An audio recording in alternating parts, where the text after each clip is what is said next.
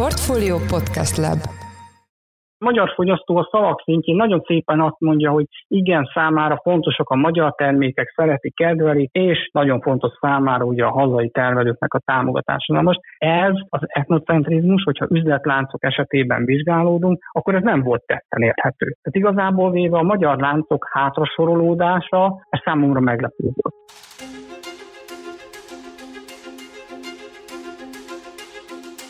Sziasztok, ez a Portfolio szerdánként jelentkező heti podcastja, én Orosz Márton vagyok a műsor házigazdája. A Pénzcentrum és a Debreceni Egyetem közös felméréséből kiderült, hogy mit éreznek a fogyasztók, melyik a legolcsóbb élelmiszerlánc Magyarországon 2023-ban. De hogy is zajlott pontosan a felmérés, milyen szempontokat vettek figyelembe, mire költ egy átlag magyar, vagy hogy miben különböznek a női férfi vásárlási szokások, arról Szűcs Robert Sándort, a Debreceni Egyetem docensét kérdezzük, aki itt van velünk a vonalban. Üdvözlöm Sándor a podcastben. Nagyon nagy szeretettel köszöntöm önt is, és a podcast hallgatóit is. Mi alapján jelenthetjük ki egy áruházláncról, hogy olcsó vagy drága? Mik itt az objektív tényezők? Vannak-e egyáltalán egy ilyen kutatásnál objektív tényezők, amiket tudtak vizsgálni? Én azt gondolom, hogy az áruházak ár alapján történő megítélését azt számos mérhető tényező befolyásolja. Ilyen lehet például okán az áruházláncoknak az árpolitikája, az áruházláncnak a beszerzési ára, termék minősége, vagy a termékek árérték aránya, de ilyesmi lehet egyébként az üzleteknek az elhelyezkedése, vagy mérete, fenntartási költségei is.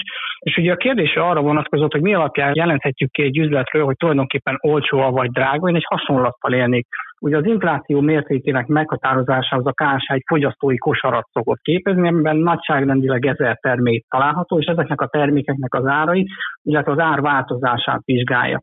Most az üzletek esetében találkozunk, vagy üzletláncok esetében találkozunk olyan vizsgálatokkal, amelyeknél a kutatók egy fogyasztói kusarat képeznek, és ebben a fogyasztói kosárban található termékeknek az árait hasonlítják össze az egyes üzletekben, és ezek az üzletek lehetnek azonos lánc eltérő üzletei, például eltérő régióban vagy országban található üzletek, vagy eltérő láncok árait hasonlítják össze, ez azonban rendkívül vitatható ez a módszert, hiszen egy multinacionális vállalat, vagy akár egy magyar FMCG láncban több tízezer, 60-80 ezer termék is található. És azt kell, hogy mondjuk, hogy az ár látszólag egy nagyon fontos, racionális döntés befolyásoló tényező, Ugyanakkor mi marketingesek azt szoktuk mondani, egy nagyon jó hasonlattal és egy kicsit frappáns hasonlattal élve, hogyha az árak számítanának igazán, akkor a helyi kocsmák azok mind kiürülnének, és azt is szoktuk mondani, hogy a fogyasztók rendkívül árérzékenyek, de normál piaci körülmények között, tehát nem mostani magas inflációs keretek között, amikor irreális figyelmet kapnak ugye a termékeknek az árai, akkor vajon meg tudja mondani egy átlagos vásárló azt, hogy az előző, a múlt heti vásárlása és az abban található termékkosárban lévő termékek árai, azok pontosan mennyibe kerültek. Most, hogyha megkérdezném Mártont, hogy meg tudja mondani, hogy az előző vásárlása alkalmával mennyibe kerültek a termékek, akkor lehet, hogy meg tudnám mondani. De azt gondolom, hogy a podcast hallgatóinak a többsége én sem, nem tudnám megmondani, hogy azok a termékek, amiket megvásároltam, azok pontosan mennyibe kerülnek. Most, én nem tudom megmondani azt, hogy pontosan mennyibe kerültek azok a termékek, akkor mi alapján mondhatom magamról azt, hogy én árérzékeny vagyok. Ráadásul tovább mennék, ugye azt mondtam, hogy egy-egy kereskedelmi láncnál több tízezer termék található, és én teljesen biztos vagyok abban, hogy ennek csak egy nagyon pici százalékát vásároljuk meg, ráadásul egy-két-három lánchoz szoktunk hülyek lenni, nem igazán tudjuk megmondani azt, hogy a konkurenciánál mennyibe kerülnek azok a termékek, amiket mi vásárolunk. Ebből adódik az, hogy tulajdonképpen objektíven és racionálisan nem igazán tudjuk megmondani egy áruházláncról azt, hogy tulajdonképpen olcsónak, vagy drágának számít az az üzletlánc. Tehát ehhez az kellene, hogy mindig mindenki ugyanazokat a termékeket vásárolja, és pontosan emlékezzen rá, hogy mennyibe is kerültek hétről hétre. Igen, ami alapvetően nem lehetséges, hiszen az eltérő láncokban eltérő választékkal találkozunk. Lehet, hogy a termékkörnek egy része megegyezik, de egy csomó kereskedelmi márkás termékkel találkozunk. Nem minden gyártó képviselteti magát minden egyes láncban. Tehát elméletileg igen, gyakorlatilag én azt gondolom, hogy ez majd, hogy nem egy kivitelezhetetlen feladat. Igen, hát a kutatás is alapvetően a szubjektív szempontokat értékelte, és a vevők véleményét és érzéseit kérdezte arról, hogy ők melyiket tartják a legolcsóbbnak. Akkor nézzük már meg ezeket a szempontokat, segítsen nekem egy kicsit. Mitől érez a vásárló drágának vagy olcsónak egy boltot? Mik ezek az érzések, mik ezek a szubjektív szempontok? Egy kicsit elméleti áttekintéssel kezdenék, és most a marketingről átkalandoznék a közgazdaságtan területén, és én azt gondolom, hogy a podcast hallgatói közül is nagyon sokan részt vettek valamilyen közgazdaságtan kurzuson, és az első előadások egyikén hallhattak egy olyan szót, hogy homo ökonomikus, ami a közgazdaságtannak az emberképe. Na most ez az emberkép, ez egy racionális, döntéseiben következetes ember. Most napjaink fogyasztója ettől az ideától nagyon-nagyon messze áll. Mi marketing területén nem tételezzük fel a fogyasztóról azt, hogy racionális és következetes, sőt, mi elismerjük azt marketingesek, hogy a fogyasztót az érzelmek nagyon komolyan befolyásolják. A vásárlói döntéseknek kb. 80%-a érzelmi alapú, és csupán a fennmaradó 20% tekintető egyébként racionális döntésnek, és az sem elhanyagolható egyébként, hogy az impulzus vásárlásoknak az aránya rendkívül magas. Hát nagyon sok kutatás volt ilyen téren egyébként, ez valahol ilyen 30 és 60 százalék környéke lehet. De ugye a pontos kérdés, hogy mitől érez a vásárló drágának vagy olcsónak egy üzletet. Én bevezetnék itt egy fogalmat, és azt mondanám, hogy ez a referencia árnak a hatáskörébe tartozik. Ugye a referencia ár az az ár, amit a fogyasztó indokoltnak tart egy termékért megadni. Ráadásul a fogyasztóknak van egy belső referencia ára is, amit viszonyítási pontként kezelünk, és hogy ez érthető legyen, a fogyasztó fejében és tudatában él egy ár. Például a kokán én azt mondom, hogy kenyér. Kenyér esetén mondjuk az én referencia áram az legyen, hát már magas árat kell mondanom, de azt mondom, hogy egy 800 forint. Hogyha én 900 forintért látom egy üzletben ezt a kenyeret, akkor azt mondom, hogy az a kenyér az drága lesz az ön referencia ára az én referencia áramtól eltérhet, úgyhogy én azt gondolom, hogy ez egy szubjektív dolog. Kijelenthetjük, hogy a fogyasztó nem egy homoökonomikus. Ugye ez teljesen egyértelmű. A fogyasztónak korlátozott ismeretei, korlátozott számú tapasztalata van, és ez alapján fogalmaz meg véleményt. És azt kell, hogy mondjuk, hogy a fogyasztó minden lelkiismeret fordulás nélkül megengedheti magának azt a luxust, hogy sztereotíp, szubjektív módon megfogalmazzon egy véleményt, hogy egy üzletláncot olcsónak vagy drágának gondoljon ráadásul olcsóbbnak vagy drágábbnak, mint a versenytársa. Ez még egyetlen egy fogyasztó esetén nem lenne különösen érdekes történet, de abban az esetben, hogyha nem egy, kettő, öt vagy tíz, hanem sok ezer fogyasztó véleményét vizsgáljuk, akkor lényegében véve szubjektív módon megkaphatjuk a fogyasztók véleményét, hogy egy-egy láncot olcsónak, vagy drágának gondolnak, de ezt még egyszer mondom, ez egy szubjektív dolog. Nézzük már meg, hogy hogy zajlik egy ilyen kutatás, hogy találják például ki a kérdéseket, hogy kell felkészülni egy ilyenre, mondjuk mennyi időt vesz igénybe. Egy kicsit avasson be minket a részletekbe, legyen szíves. Ez hónapokat vesz, én azt gondolom igénybe, ez egy hosszadalmasabb felkészülés. A televe az ötletnek a kitalálása, hogyan keressük meg a fogyasztót, milyen módon, milyen online felületen keressük meg a fogyasztót. Amit már mondtam, hogy egy online felmérésről volt egyébként szó. Microsoft Forms területén alkottuk meg a kérdőívünk, minket.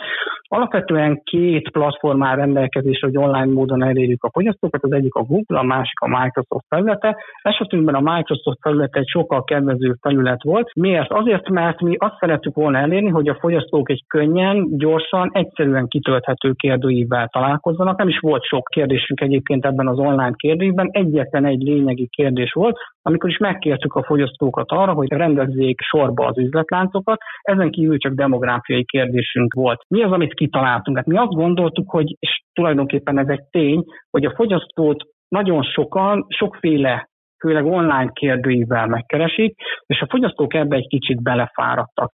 Mindenki 5 percet ígér egy online kérdőív kitöltésére, de általában ez 10-12-15 perc szokott lenni, mi tényleg egy rövid kérdőívet szerettünk volna megalkotni.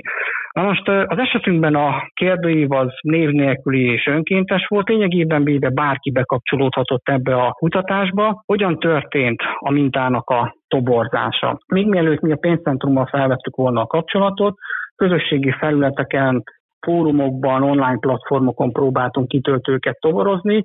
Ez azt jelentette, hogy 2022. december elejé és december vége között nagyságrendileg egy 1015-ös mintát tudtunk összehozni, és a pénzcentrummal való együttműködés után januárban indult el az igazán nagy mintának az összegyűjtése és toborzás, és ez az ezres mintához még 16 ezer fő társult. Ez összesen azt jelentette, hogy több mint 17 ezer ember töltötte ki a mi kutatásunkat.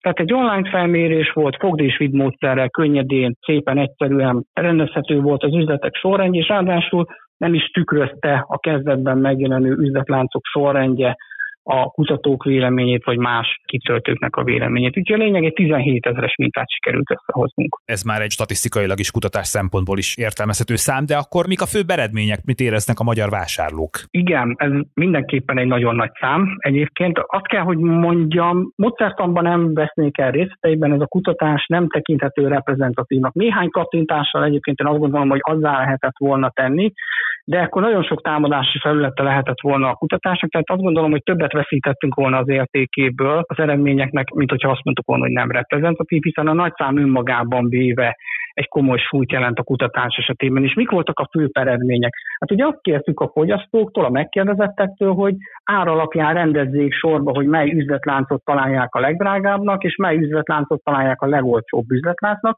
És azt gondolom, hogy a legnagyobb eredmény, hogy kialakult egy sorrend. Egy nagyon egyértelmű sorrend alakult ki. Hát az első helyre a megkérdezettek a lidl sorolták, a második volt ugye a Penny Market, harmadik volt az Aldi, és azután a Tesco, Ocean, Spar, Real, és CBA volt.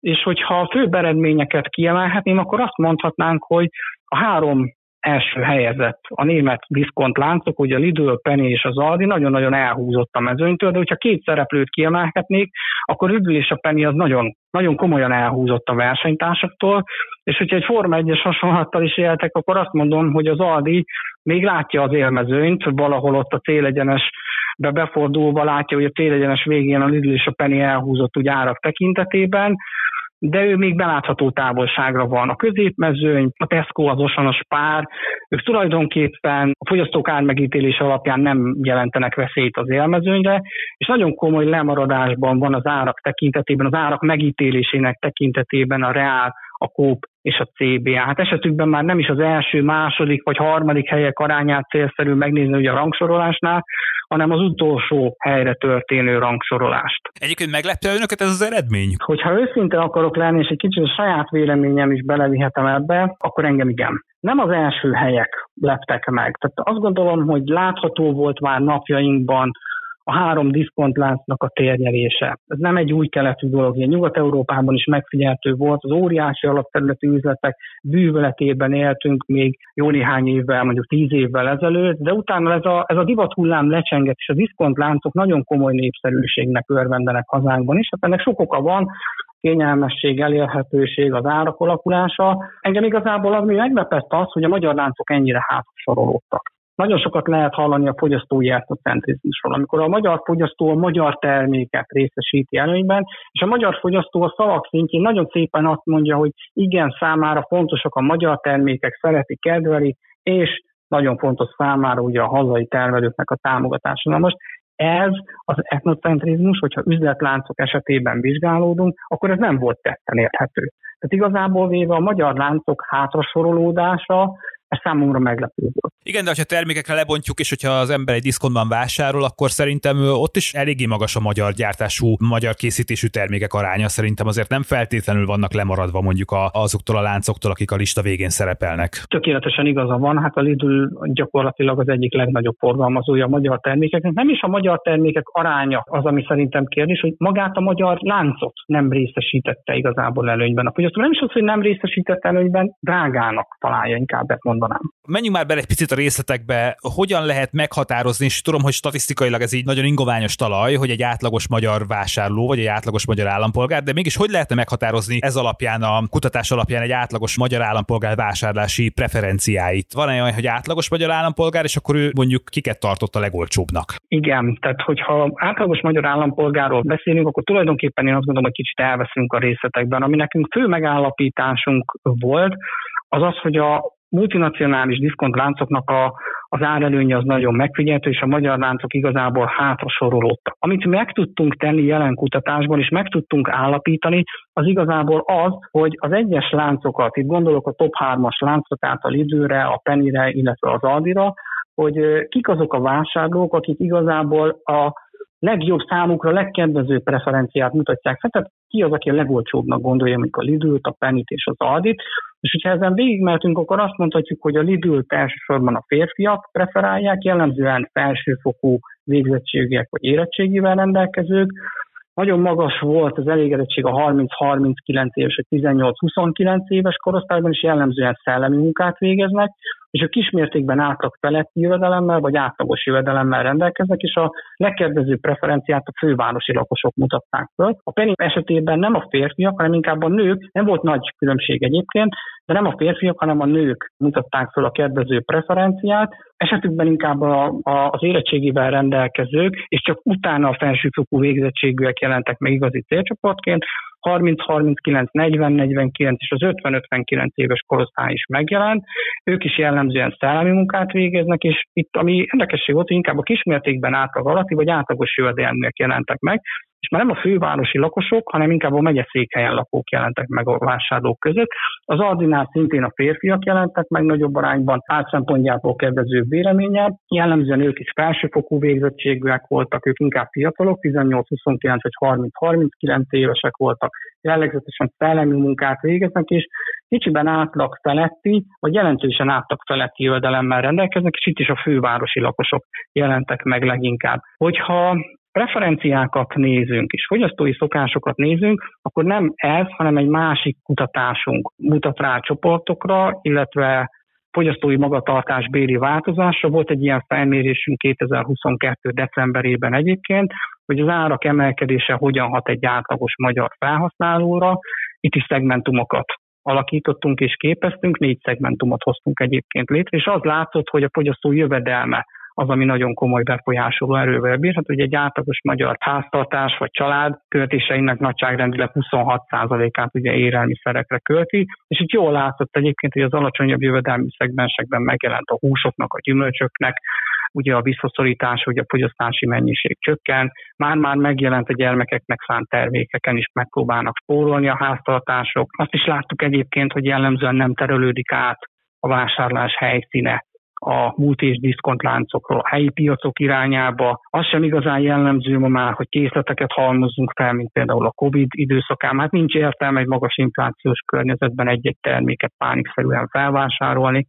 És ami számunkra meglepő volt ebben a másik kutatásban az, hogy a pontgyűjtő kártyáknak és az applikációknak az erőteljes használata egy-egy szegmentumban jelent csak meg, és a saját márkás termékek további erősödése sem tűnt igazi benchmarkként a fogyasztóknak. Van egy olyan sztereotípia, hogy aki vidéken kis falvakban él, ő azért nehezebben jut el például mondjuk egy Aldiba Lidlbe, bármennyire gyorsan is terjeszkedjenek ezek a diszkontláncok. Ezt ki tudta mutatni a kutatás például? Tehát feltételezhetjük azt, hogy aki mondjuk nem tudom, Szabolcsban él egy kis faluban, távol mondjuk még a közepes méretű városoktól is, ő azért ritkábban jut el egy Aldiba, vagy egy Lidlbe, vagy egy Penny Marketbe, és ezért nem feltétlenül ismeri, és nem tudja össze összehasonlítani az árait mondjuk azzal a CBA-val, ami az adott településen működik esetleg? Igen, ez egy nagyon jó meglátás. Nem minden egyes településen van minden üzletág, ez teljesen egyértelmű viszont ettől még a fogyasztóknak sztereotípiái kialakulnak. És ugye azt mondtuk, hogy a fogyasztó nem egy homo economicus, nem egy racionális lény, érzelmek vezérlik a fogyasztót, és igazából véleménye van annak tekintetében, hogy mely üzletlánc tekinthető drágának, és mely tekinthető kevésbé drágának. Egyébként megnézegettük azt, hogy azokban a szegmentumokban, ahol legalább ezer fő kitöltő volt, hogy milyen véleménykülönbségek vannak az üzletláncok sorrendiségében, és azt kell, hogy mondjuk, hogy nem igazán találtunk eltéréseket. Tehát nagyon egyértelmű és nagyon homogén és nagyon markáns volt ez a sorrend, ami kialakult. Hát megnéztük nem szerint. Tehát gyakorlatilag a megkérdezett nem, nem befolyásolta az üzletláncok sorrendjét.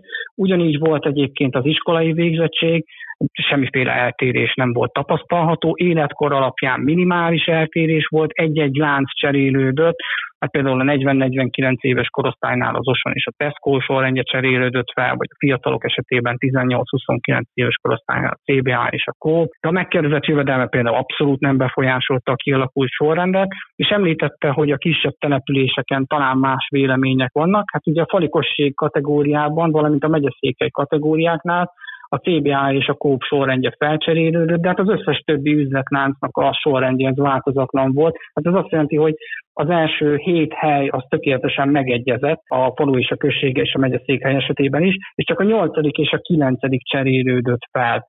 A fővárosi kategóriánál az Oson és a Tesco cserélődött fel, de az összes többi üzletlánc sorrendje az változatlan volt. Tehát azt kell, hogy mondjuk, hogy a vélemények nagyon egy irányban mutattak, a kialakult sorrend az, az, amit itt korábban említettem. Sándor, én nagyon kíváncsi lennék arra, hogy most már több mint egy hete publikáltuk a pénzcentrumon ezt a kutatást, hogy önnek megcsörrente a telefonja, kereste például önt valamelyik áruházlánc. De valami őszintén, hogy nem, ami kicsit meg, meg is lepett egyébként. Nagyon szívesen állok rendelkezésére az üzletláncoknak, és ugye egy-egy ilyen írás vagy cikk, ez a főbb eredményeket mutatja. Tehát nekünk ugye lehetőségünk van arra, hogy lebontjuk ezt üzletláncokra, és egész részleteibe bemenjünk ugye a válaszok alapján, hogy mely csoportok azok, amelyek leginkább preferálják, vagy melyek kevésbé. Na most ugye ez egy egyszerű, rövid, könnyen kitölthető kérdőív volt. Nem volt célunk egyébként az okokra, miértekre, különböző attitűdökre rákérdezni.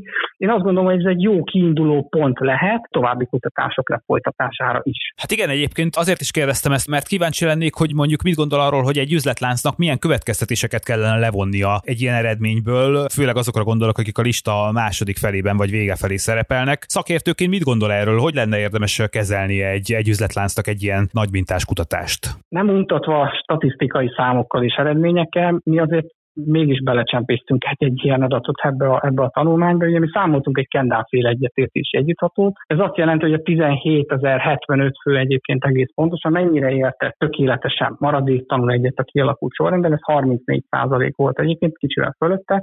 Én azt gondolom, hogy 17 ezer emberből ennek a 34%-a ugyanezt a sorrendet határozná meg, az egy nagyon komoly iránymutató dolog. Na most a kérdés az, hogy akik a lista elején vagy a lista végén vannak, ez elegendő-e a sikerhez, vagy az lényegében véve a sikertelenség irányába fogja elvezetni a, a láncot. Tehát én azt gondolom, hogy ez az eredmény önmagában véve nem elegendő a sikerhez, és nem borítékolja, hogy egy üzletlánc emiatt sikertelen lesz. Ugye már említettem azt, hogy Magyarországon a költéseinknek egy jelentős része ugye az élelmiszerekre, meg több mint 26 százalék. Azt is pontosan tudjuk, decemberi és januári adatokat, hogyha megnézünk, ugye 24 százalék fölött van az infláció, sőt a januári 25,7, hogyha jól emlékszem. Az élelmiszerek esetében az átlagos inflációs ráta 44 százalék volt. Most ezek nagyon-nagyon magas számok. És egy ilyen piacgazdasági helyzetben, egy ilyen gazdasági szituációban én azt gondolom, hogy igazán fontos az, hogy hogyan vélekednek a fogyasztók az adott láncról. Na most én azt gondolom, hogy a láncokat ár alapján is pozícionálni kell a fogyasztó fejében. Teljesen egyértelmű, hogy ez egy szubjektív dolog, de a fogyasztó fejében él egyfajta képzet arról, hogy mi milyenek vagyunk, olcsók vagyunk, drágák vagyunk, árértékarányban jók vagyunk-e vagy sem. És én azt gondolom, hogy ez a fajta árelő, ami itt a lista élén található, vagy ez a fajta hátrány, ami itt a lista vége felé található, ezzel most számolnunk kell. Most nézzük az előnyös oldalt. Én azt gondolom, hogy ha a fogyasztó úgy gondolja egy láncról, hogy ez a lánc olcsó, akkor ez egy kis pluszt ad, ez egy kis versenyelőnyt ad.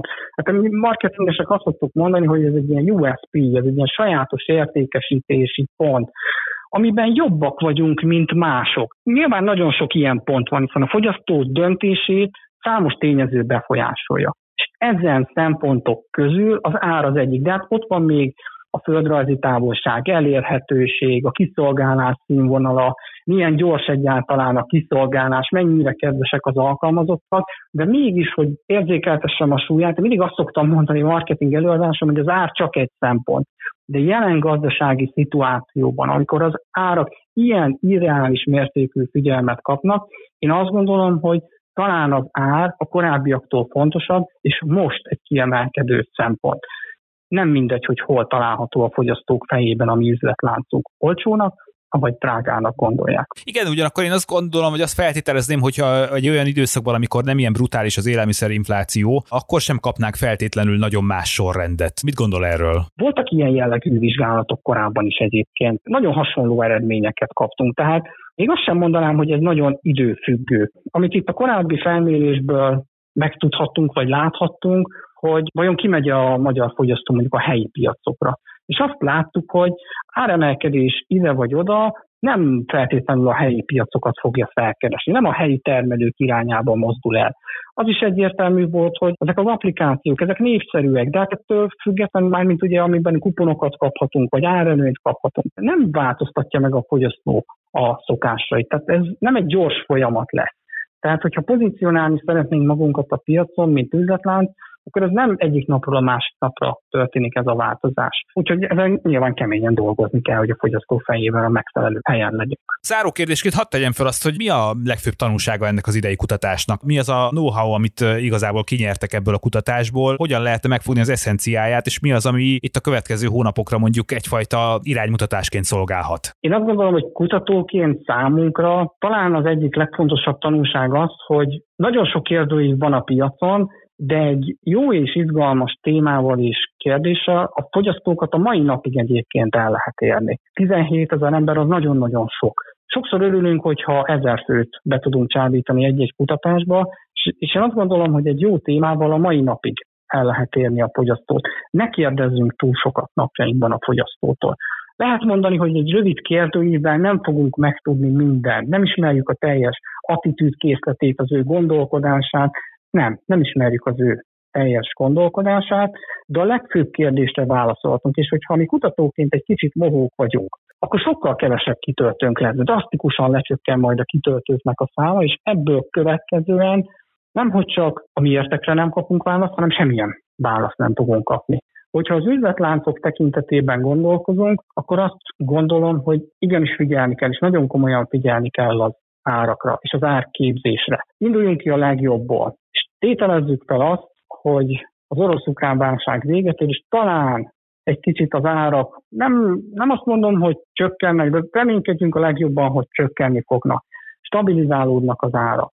És egy jól kialakított árpolitikával, én azt gondolom, hogy ezen a sorrenden nem egyik napról a másik napra, de az üzletláncoknak is dolgozni kell, hogy kedvező bárakkal találkozon a fogyasztó.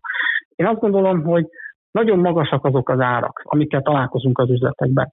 És ez csökkenti az értékesített mennyiséget. Csak akkor lesz egy vállalatnak jelentős árbevétele, hogyha a mennyiség és az ár, az eladott mennyiség és az eladási ár egy magas szorzat eredményt hoz össze. Na most, ha magasak az árak, árugalmassági együtthatókból következően, azok a bevételek nem fogják tükrözni az áremelkedésnek a mértékét. Tehát korábban kell a láncoknak is tartaniuk az árakat. Hát az biztos, hogy izgalmas időszak előtt állunk itt az idei évben is, különösen az infláció tekintetében is arra is nagyon kíváncsi vagyok, hogy ez majd hogy fog lecsapódni a vásárlási szokásokban, meg a fogyasztók érzetében, úgyhogy remélem, hogy egy pár hónap múlva majd talán tudunk újra beszélgetni, és kicsit ebből a szempontból is megnézni a dolgot. Én köszönöm szépen, hogy itt volt velünk, és egy kicsit beavathattuk a hallgatókat ennek a tényleg jól sikerült kutatásnak a hátterébe. Az elmúlt percekben Szűs Róbert Sándor, a Debreceni Egyetem docense volt a vendégünk. Köszönöm szépen, hogy itt volt velünk a Portfolio heti podcastjében. Nagyon szépen köszönöm a lehetőséget. Ez volt a Portfolio szerdánként megjelenő heti podcastje február 22-én. Ha tetszett az adás, akkor iratkozz fel a Portfolio podcast csatornájára a nagyobb podcast platformokon, hogy mindig időben értesülj az új epizódokról. Én Orosz Márton vagyok, új adással jövő héten jelentkezünk. Sziasztok!